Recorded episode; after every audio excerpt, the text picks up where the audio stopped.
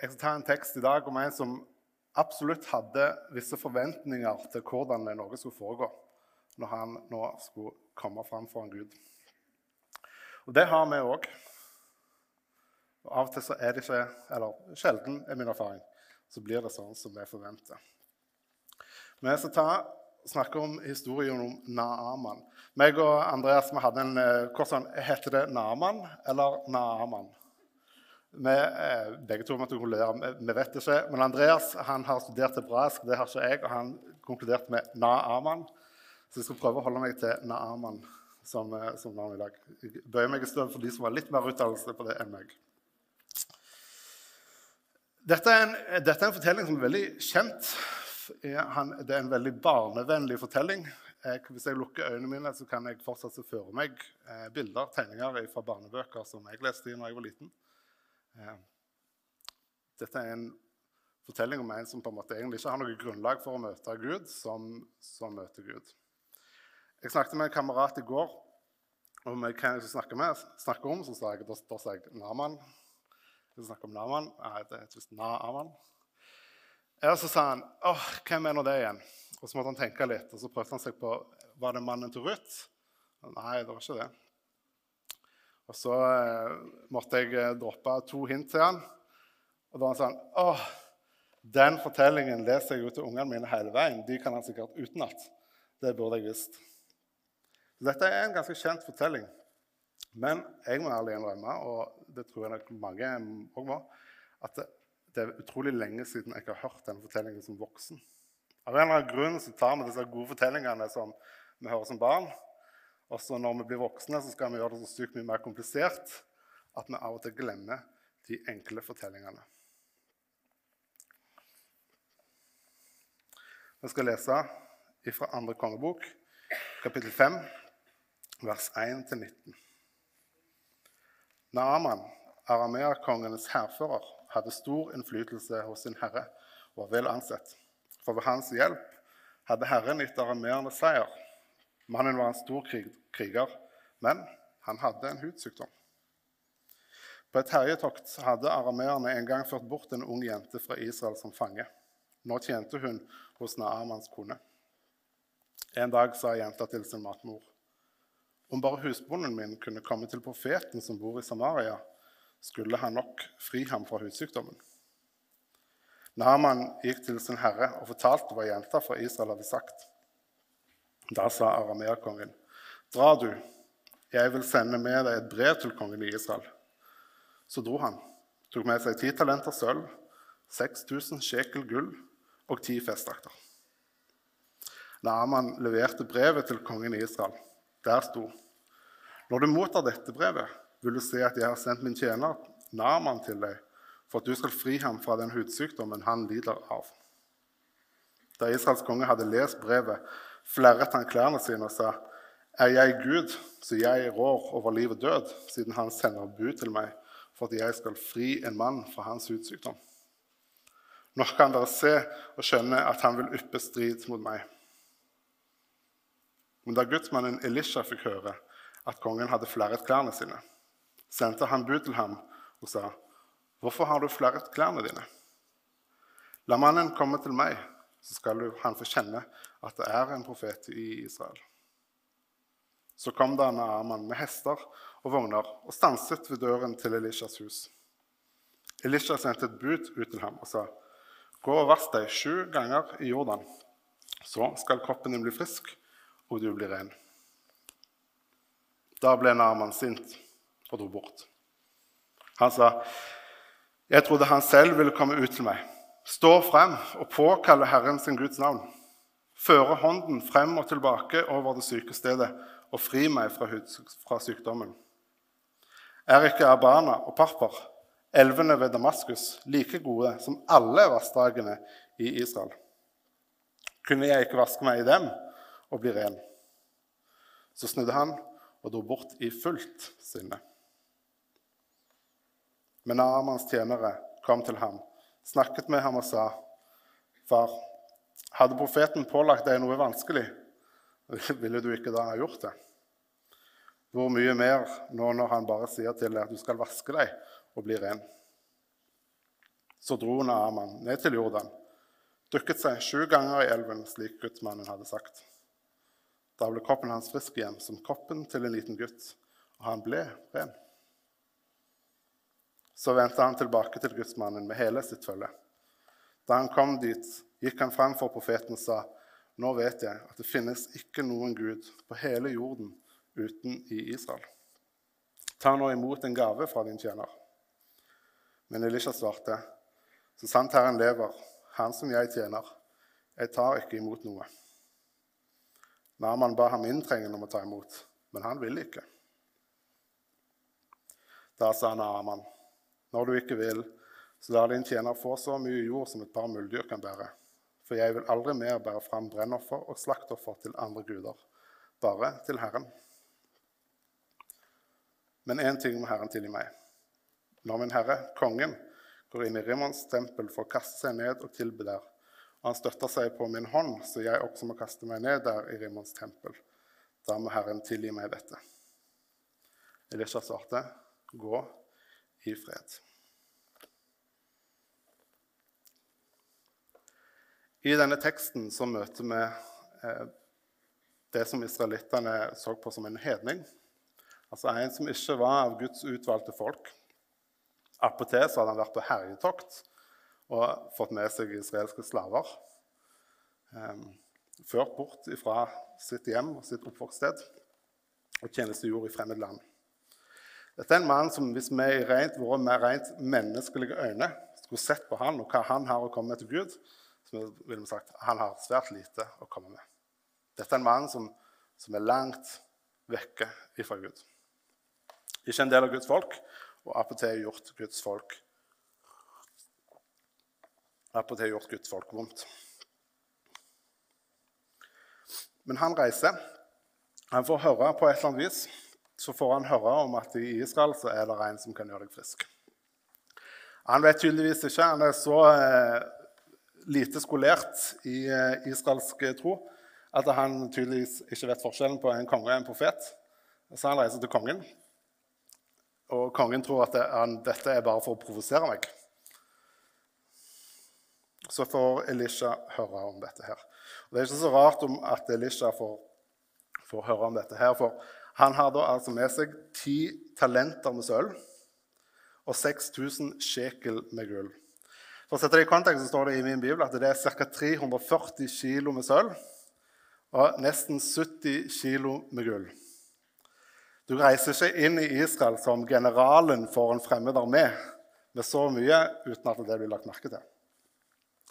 For å sette det litt i kontekst, da, i dagens verdi jeg regner det ut, Hvis du selger gullet på eh, Jeg søkte på en eller annen nettside, så kunne du fått ca. 32 millioner for det. Og for sølvet kunne du fått ca. 76 millioner. Og på toppen av det så har han med seg ti bunader. Det er sinnssykt mye penger. Så han kommer med.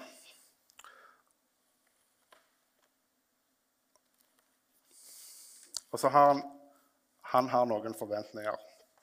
Og Det er mitt første poeng i dag. Gud svarer sjelden på våre bønner sånn som vi forventer.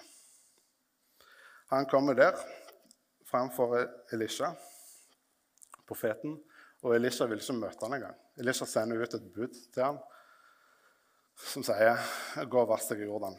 Jeg kan godt forstå at Naaman ble sint. Altså, jeg trodde han sjøl ville komme ut og føre hånden over det syke området. Han har bilder i hodet sitt over hvordan dette her skal foregå. Hvordan han skal bli frisk. Hvor ofte gjør vi ikke det sjøl? Hvor ofte gjør vi ikke det sjøl når, når, vi kommer til Gud med et eller annet? Så har vi tanker, bilder i hodet vårt over hvordan vi vil at Gud skal svare. Og så altfor ofte så, så, faller vi litt i den samme grøfta som Laman holder på å falle i. At fordi Gud ikke svarer sånn som vi vil, så stenger vi svaret ute. Jeg har hørt, jeg har hørt denne setningen mer enn én en gang. Om Gud bare skrev det i skyene at han levde, skal jeg tro på han. Fordi Gud ikke svarer sånn som de vil, så stenger de seg for andre svar. Gud svarer sjelden på bønner sånn som jeg tenker. For de av dere som var her eh, sist søndag, så, så kom det fram et ganske sterkt vitnesbyrd etter talen. Et personlig vitnesbyrd om et ektepar som, eh, som bar på noe veldig sårbart. Måtte vente i ti år for å få et annet svar, et helt annet svar enn det de så før seg. Sånn er de, de fleste erfaringer er at Gud svarer på helt andre måter enn det vi forventer. Og noen ganger altså, blir mennesker sinte. Når vi stiger fram for Gud med våre ønsker og behov, så er vi nødt til å åpne vår horisont for hva skaperen vil si. Vi kan ikke lukke oss til sånn som vi tenker Gud bør svare. Hvis ikke han svarer sånn, så hører vi ikke etter. Vi er nødt til å åpne vår horisont for hvordan Gud svarer på våre bønner. Det er det første poenget. Han svarer sjelden sånn som du forventer. Så det er et annet poeng som jeg har lyst til å ta med fra, fra Naman. Han kommer der som sagt med ja, 110 millioner kroner verdt av sølv og gull og har, har lyst til å betale. Han har lyst til å forhandle med Gud om bønnesvar. Har har du prøvd deg på det noen gang? Forhandle med Gud. Hvis du gjør det, så skal jeg gjøre det. Jeg, jeg har prøvd meg på det et par ganger. Jeg har, jeg har aldri fått det sånn som jeg vil, kan vi vel si. Men det er på en måte greit nok å tenke det om når det kommer til, til sånne type ting. Men vi gjør ofte dette litt sånn ubevisst i vår liv. Så prøver vi å bygge opp, bygge opp en kapital, en godvilje hos Gud. Vi leser i Bibelen kanskje ofte ikke fordi vi vil, men vi tenker det er det som er liksom rett livsførsel. Vi ber, og vi sier åh, jeg ber ikke nok. Jeg, jeg er ikke god nok som kristen. Jeg går ikke nok på møter. Og så tenker vi at hvis vi gjør det, så er det akkurat som vi kjøper oss litt kapital hos Gud. Og da vil han svare på våre bønner. Og så når det kommer til stykket, så sier Gud jeg trenger ikke noe av det. Det er noe av det viktigste du kan lære deg som kristen, at du har ingenting som Gud trenger. Du har ingenting som Gud trenger. Tomhendt kom du til denne jorden, og tomhendt skal du forlate den. Du har ingenting som Gud trenger. Jo fortere du lærer det, jo bedre. Når du kommer til forhandlingsbordet og skal gjøre opp regnskap for ditt liv, så er du 100% avhengig av hans godvilje. Du har ingenting som han trenger. Og Legg merke til at jeg bruker ordet 'trenger' her, for du har masse som Gud kan bruke. Det er forskjell på det. Du har masse som Gud kan bruke, men du har ingenting som han trenger. Du er 100% avhengig av hans godvilje. Og det er en Arman òg. Og han kommer der, som jeg sa i begynnelsen Han er i våre menneskelige øyne langt vekke på en måte fra å kunne fortjene noe for Gud. Han har vært med å røve til seg israelitter. På den måten som han fått høre at det, der er en der som kan gjøre det fisk. Og så tar han med seg det som han tenker at det, dette kan på en måte betale for det. Så kommer det med 110 mill. og 10 bunader. Og så sier profeten vil ikke ha noe av det. Vil ikke ha noe av det.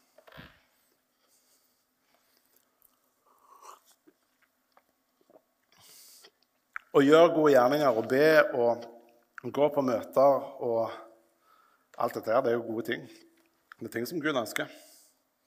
For oss handler det om at vi tilber Skaperen.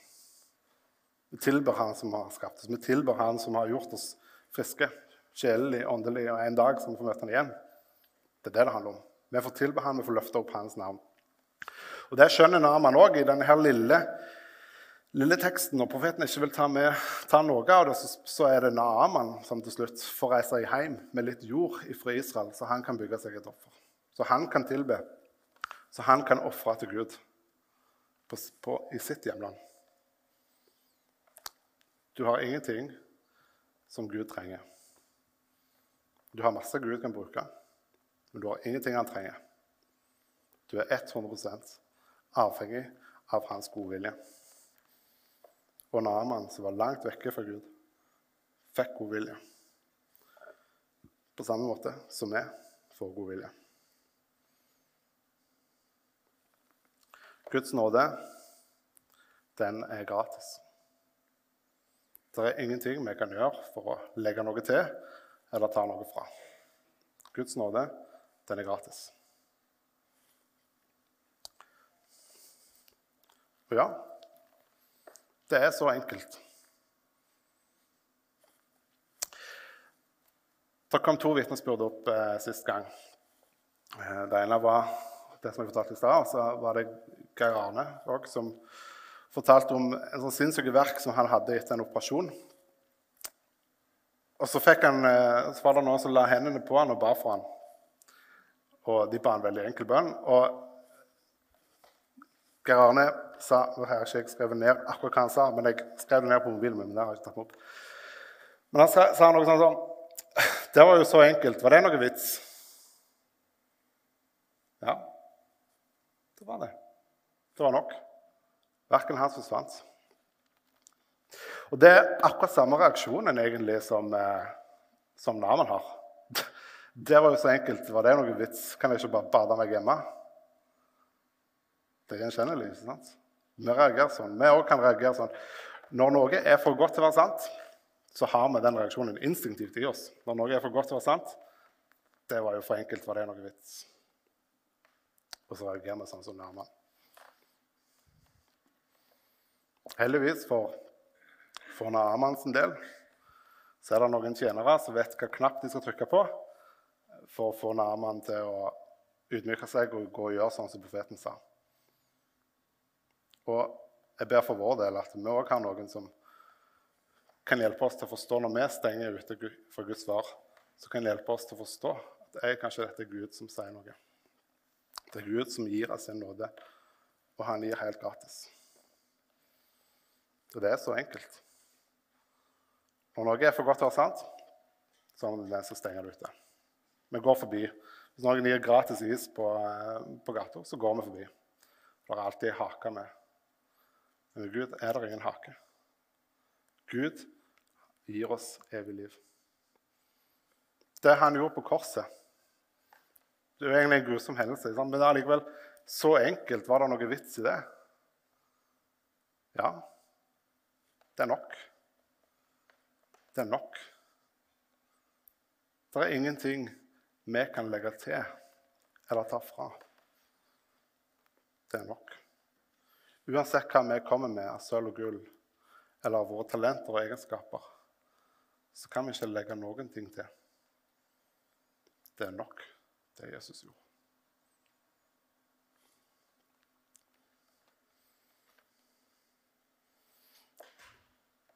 Når jeg ble spurt om å tale her, så hadde jeg egentlig det hadde jeg som sånn åh, jeg, jeg, vil få fram evangeliet på et eller annet vis. Så hadde jeg lyst til å finne, ta, en, ta, en, historie som er litt sånn ut av Ikke det vanligste. Og jeg trengte ikke bla veldig langt. Jeg bladde litt i, i, GT, for det er ofte det som Jeg personlig, i hvert fall, når jeg taler, så taler jeg mest fra Nytestamentet. Så jeg bladde litt gjennom GT, så fant jeg denne historien og bare sånn Wow! Denne sier jo akkurat det jeg vil. Vi prøver å komme til Gud. Vi prøver på en måte å kjøpe oss godvilje. Så er det ikke det det handler om. Det er ikke det evangeliet handler om. Evangeliet handler om at det Jesus har gjort for oss, det er nok. Og vi kan være langt vekke fra Gud, sånn som Naman i utgangspunktet var. Og likevel så kan vi komme til han. I våre menneskelige øyne så fortjente han ikke det som han fikk. Skulle tro det var israelitter sjøl som kunne komme og bli friske. Men så er det Naman som kommer og blir frisk.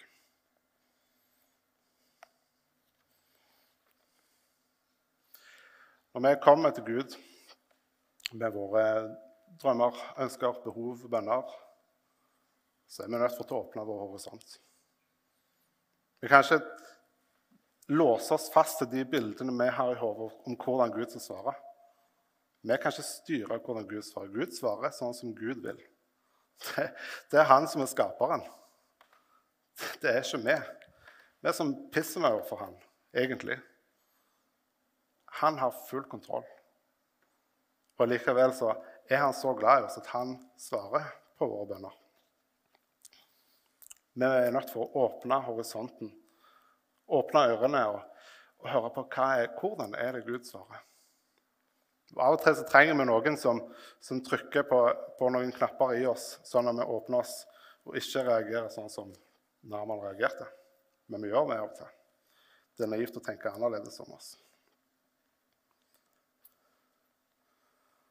Så kan vi ikke kjøpe. Vi kan ikke, vi kan ikke rådslå med Gud. Vi har ingenting som han trenger. Vi har masse, vi kan, vi har, vi har masse han kan bruke, men vi skal bruke det. Vi skal la Gud bruke det i en form for tilbedelse for hva han allerede har gjort for oss. Ikke for at vi skal fortjene mer nåde. Vi kan ikke gjøre noe for å fortjene mer nåde. Vi skal gjøre det i en ren takknemlighet. Og vi gjør det i en ren takknemlighet for den, den Gud er i vårt liv. Han gjør oss fiske. Og det er nok. Det Jesus gjorde, er nok. Vi trenger ikke mer.